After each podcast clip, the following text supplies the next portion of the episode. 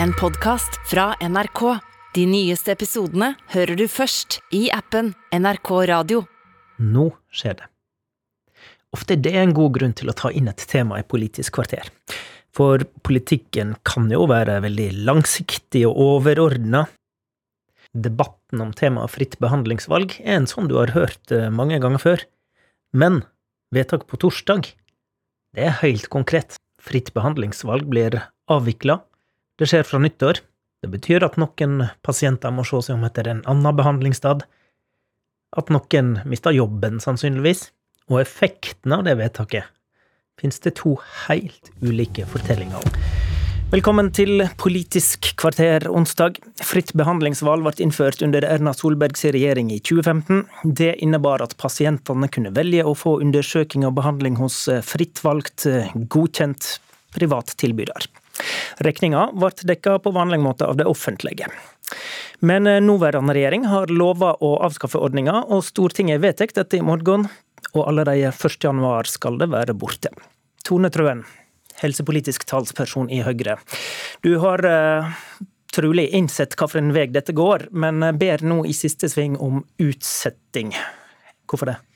Når pasientrettigheten til å velge fritt hvor du vil behandles for det offentliges regning eh, blir avvikla ved nyttår, så, så, vil det gå utover pasientbehandling. Og det er i en tid hvor helsekøene vokser. Spørsmålet er ikke om avviklingen av fritt behandlingsvalg vil påvirke kapasiteten, men hvordan. Eh, og Derfor så står de fire borgerlige partiene på Stortinget sammen om å etterlyse tydeligere svar på hvordan eh, vi skal håndtere at kapasiteten for pasientene blir lavere. Og vi aksepterer ikke at en så omfattende endring skjer så raskt uten at vi har garantier for at pasienter slipper å måtte vente mye lenger på helt nødvendig behandling. Ok, Vi skal gå nærmere inn i den diskusjonen etter hvert, men eh, vi skal høre litt på noe ting som ble sagt på en høring på Stortinget for en måneds tid siden først, for um, der var det virkelig forskjellige bilder som kom fram. Først skal, så skal vi nå høre på et par eh, private helseaktører. Kjetil Ørbekk han er daglig leder på rusbehandlingssenteret Vangseter, og han tror færre pasienter nå vil komme til deg.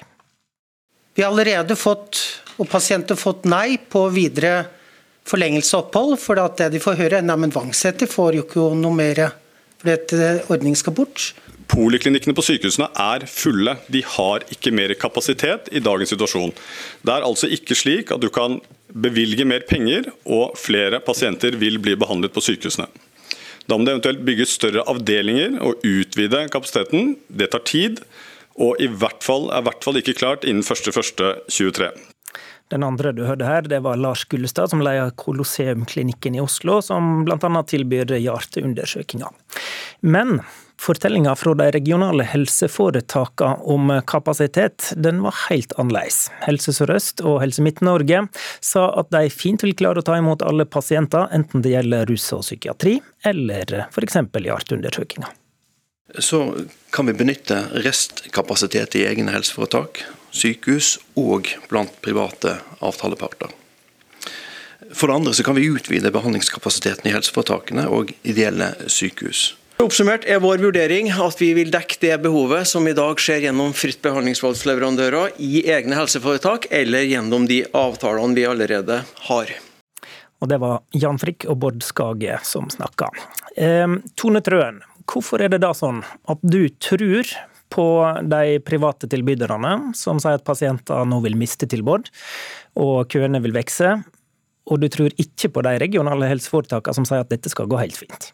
Ja, I det lange løp eh, så tror jeg nok at de regionale helseforetakene vil kunne inngå avtaler sånn at man klarer å holde kapasiteten oppe. Eh, den store utfordringen nå er jo at eh, veldig få av de aktørene som i dag leverer god pasientbehandling for pasienter som virkelig trenger det, har fått avtaler med det offentlige.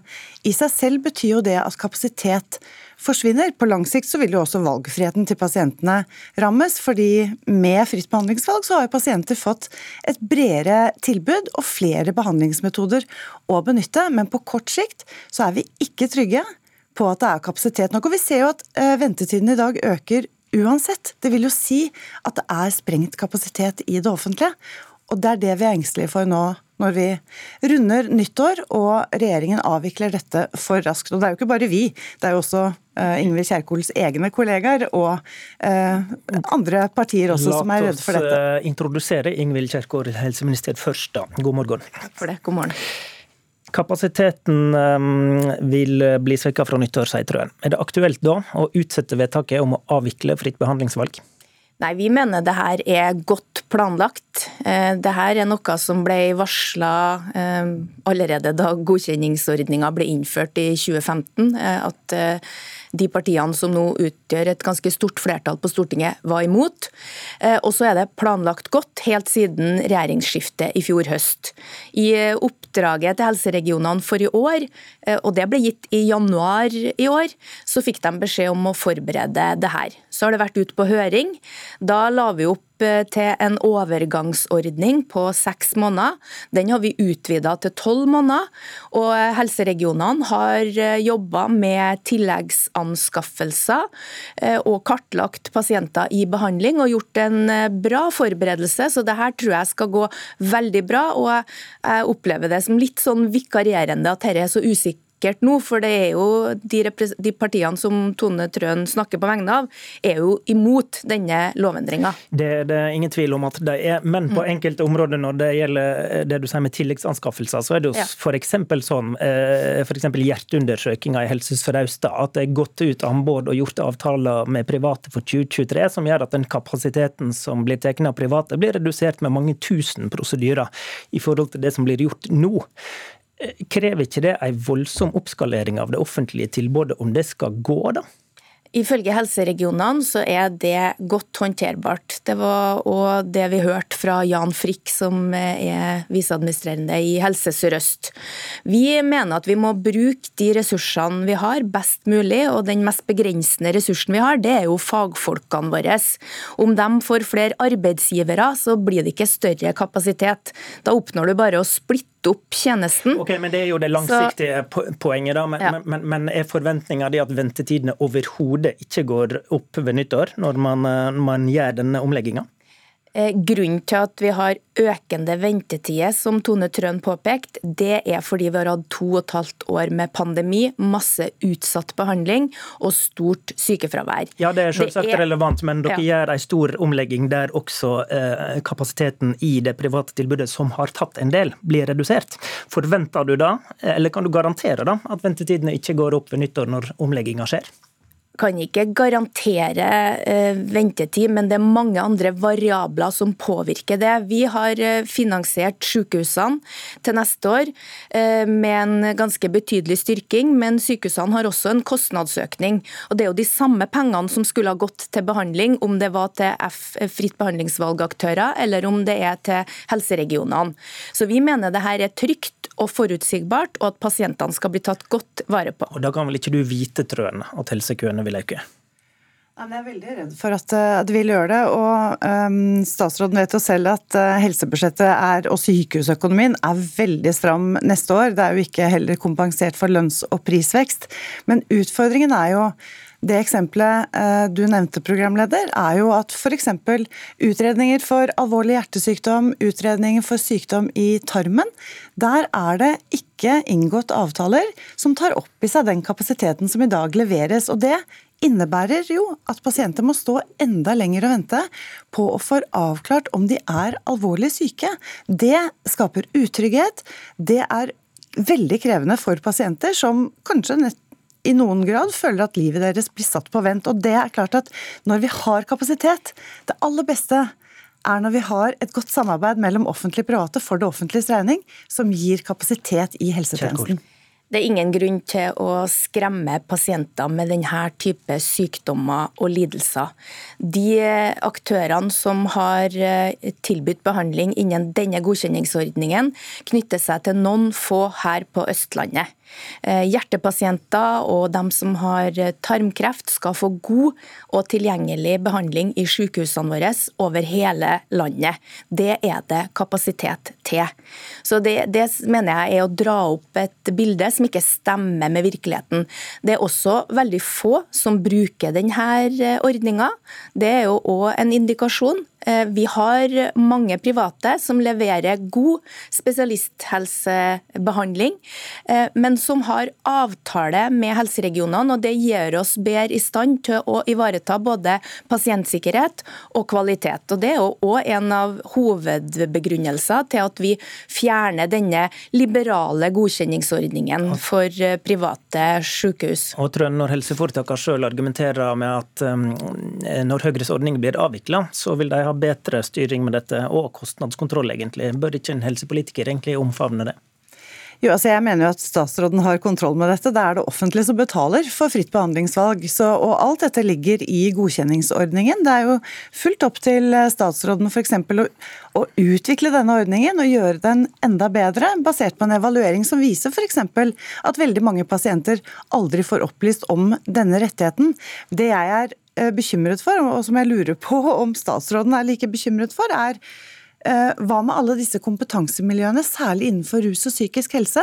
Hva med den, den ehm, kompetansen som er bygget opp på Vangseter gjennom mange år, mestringshusene på Tysnes og i Telemark. Hva, hva, med det miljøet der som faktisk får pasienter ut av alvorlig eh, rusavhengighet, som hjelper folk tilbake til livet? Hvordan skal disse plassene erstattes? Ja, Der er det både kapasitet innenfor det offentlige, og det er gjort eh, tilleggsanskaffelser. I den største helseregionen, Helse Sør-Øst, så er det gjort en eh, egen døgnanskaffelse i Agder. Eh, fordi at der har man kartlagt at det vil være den type aktører som ikke lenger driver pga. at godkjenningsordningen eh, avvikles. Så det her mener jeg det er planlagt godt for. Eh, rus og det som heter tverrfaglig spesialisert eh, rusbehandling, der er det også lavest ventetider. Så det er, eh, det er det behandlingsområdet hvor det er kanskje best kapasitet også. Men Agder er jo for så vidt et eksempel på der man har varsla en anbudsrunde for nye rusbehandlingsplasser, men som faktisk ikke er kommet i gang. Og når vedtaket blir gjort i Stortinget i morgen, så blir dette avvikla eh, om to uker. Hvorfor er all dag en så seint ute, da? Det vil være eh, en eh, anskaffelse som vil være helt i synk med 1.1, når godkjenningsordningen avvikles på de 30 døgnplassene som jeg refererte. Så, så, så når dere gjør stortingsvedtak i morgen, og så er det en anbudsrunde som, som, som ikke har begynt, så vil dette være helt i orden 1.1? Ja, Det vil ikke gå noe tid tapt for pasientene. Må huske på det at Vi har lagt inn tolv måneder overgangsordning her. så Det er ingen pasienter som får brudd i sin behandling. og Det vil òg være klart hva slags eh, valgfrihet man har. Det er viktig for meg å minne om at eh, pasientrettigheten, fritt sykehusvalg, det at du kan velge hvor i landet du vil eh, bli behandla, både mellom offentlige sykehus og private som har avtale. Det er en pasientrettighet som ble innført i 2001 av jo, men, Arbeiderpartiet. Eh, så det er fortsatt mye valgfrihet her. Ja da, er sikkert. Men, men nå, nå vil jeg være litt nysgjerrig på dette med tidsaspektet her. og mm. I stedet for at jeg skal påstå noe, da, la meg sitere Tysnes Arbeiderpartiet, som har skrevet brev. Å mm. avvikle ved nyttår om bare fire-fem uker uten at helseforetaket har kartlagt hvor mange døgnplasser som trengs og gjort avtaler med behandlingsinstitusjoner, er uansvarlig. Eh, de skriver jo da fordi mm. denne kommunen har en slik behandlingsinstitusjon. Hva sier du til dem da? De arbeidsplassene er jo viktige for Tysnes kommune, det har jeg stor forståelse for. Det er vel viktig for pasientene òg? Ja, men det er gjort en eh, Det er utlyst en anskaffelse, sånn at man ville kunne etablere den kapasiteten i løpet av første halvår. Da er det fortsatt eh, et halvt år igjen av overgangsordningen. Så det er en bekymring som jeg mener vi har beroliga med fakta. Og det burde virke. Trøen, Kjerkol har vel rett i at dette er vel egentlig bare et vikarierende argument fra dere? Nei, fordi realiteten er jo at fra 1.1 så kommer det ikke, og kan ikke, en eneste pasient velge seg til Vangseter, velge seg til Mestringshuset på Tysnes. Og det er klart at eh, Overgangsordningen den sikrer at de pasientene som er i behandling der, kan få fullført den. Men det er veldig vanskelig å opprettholde et kompetansemiljø på disse stedene. Eh, og skulle vente på eventuelt et nytt anbud f.eks. fra Helse Sør-Øst i 2025. Jeg er dypt bekymret for at veldig gode kompetansemiljøer som får folk tilbake til livet, folk som er avhengige av rus og som trenger å komme seg vekk fra Oslo, trenger å komme seg ut på Tysnes eller de, til Vangseter. De vil forsvinne, sier du. Du skal få svare kort på det, Kjerkol. Denne ordninga tapper våre offentlige sykehus. Tone Trøen har selv vært på besøk i Telemark. De får en uforutsigbar økonomi. De skal ta seg av alle akuttpasienter. Forskning, utdanning. Vet du, nå var det jeg som snakka. Det ble dessverre sånn at når begge snakker, så får ingen snakke, for denne sendinga er slutt. I studio, Håvard Grønli. Takk til begge to. En podkast fra NRK. De nyeste episodene hører du først i appen NRK Radio.